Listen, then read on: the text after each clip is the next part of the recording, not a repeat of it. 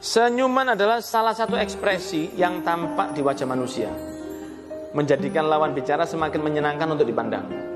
Lawan bicara itu maksudnya teman yang ngomong itu bukan musuh ya. Rasulullah SAW adalah manusia terindah dan tersempurna dalam senyumannya. Sahabat Abdullah bin Al-Harith menyampaikan, saya tidak pernah melihat seorang pun lebih sering tersenyum dari Nabi Muhammad SAW.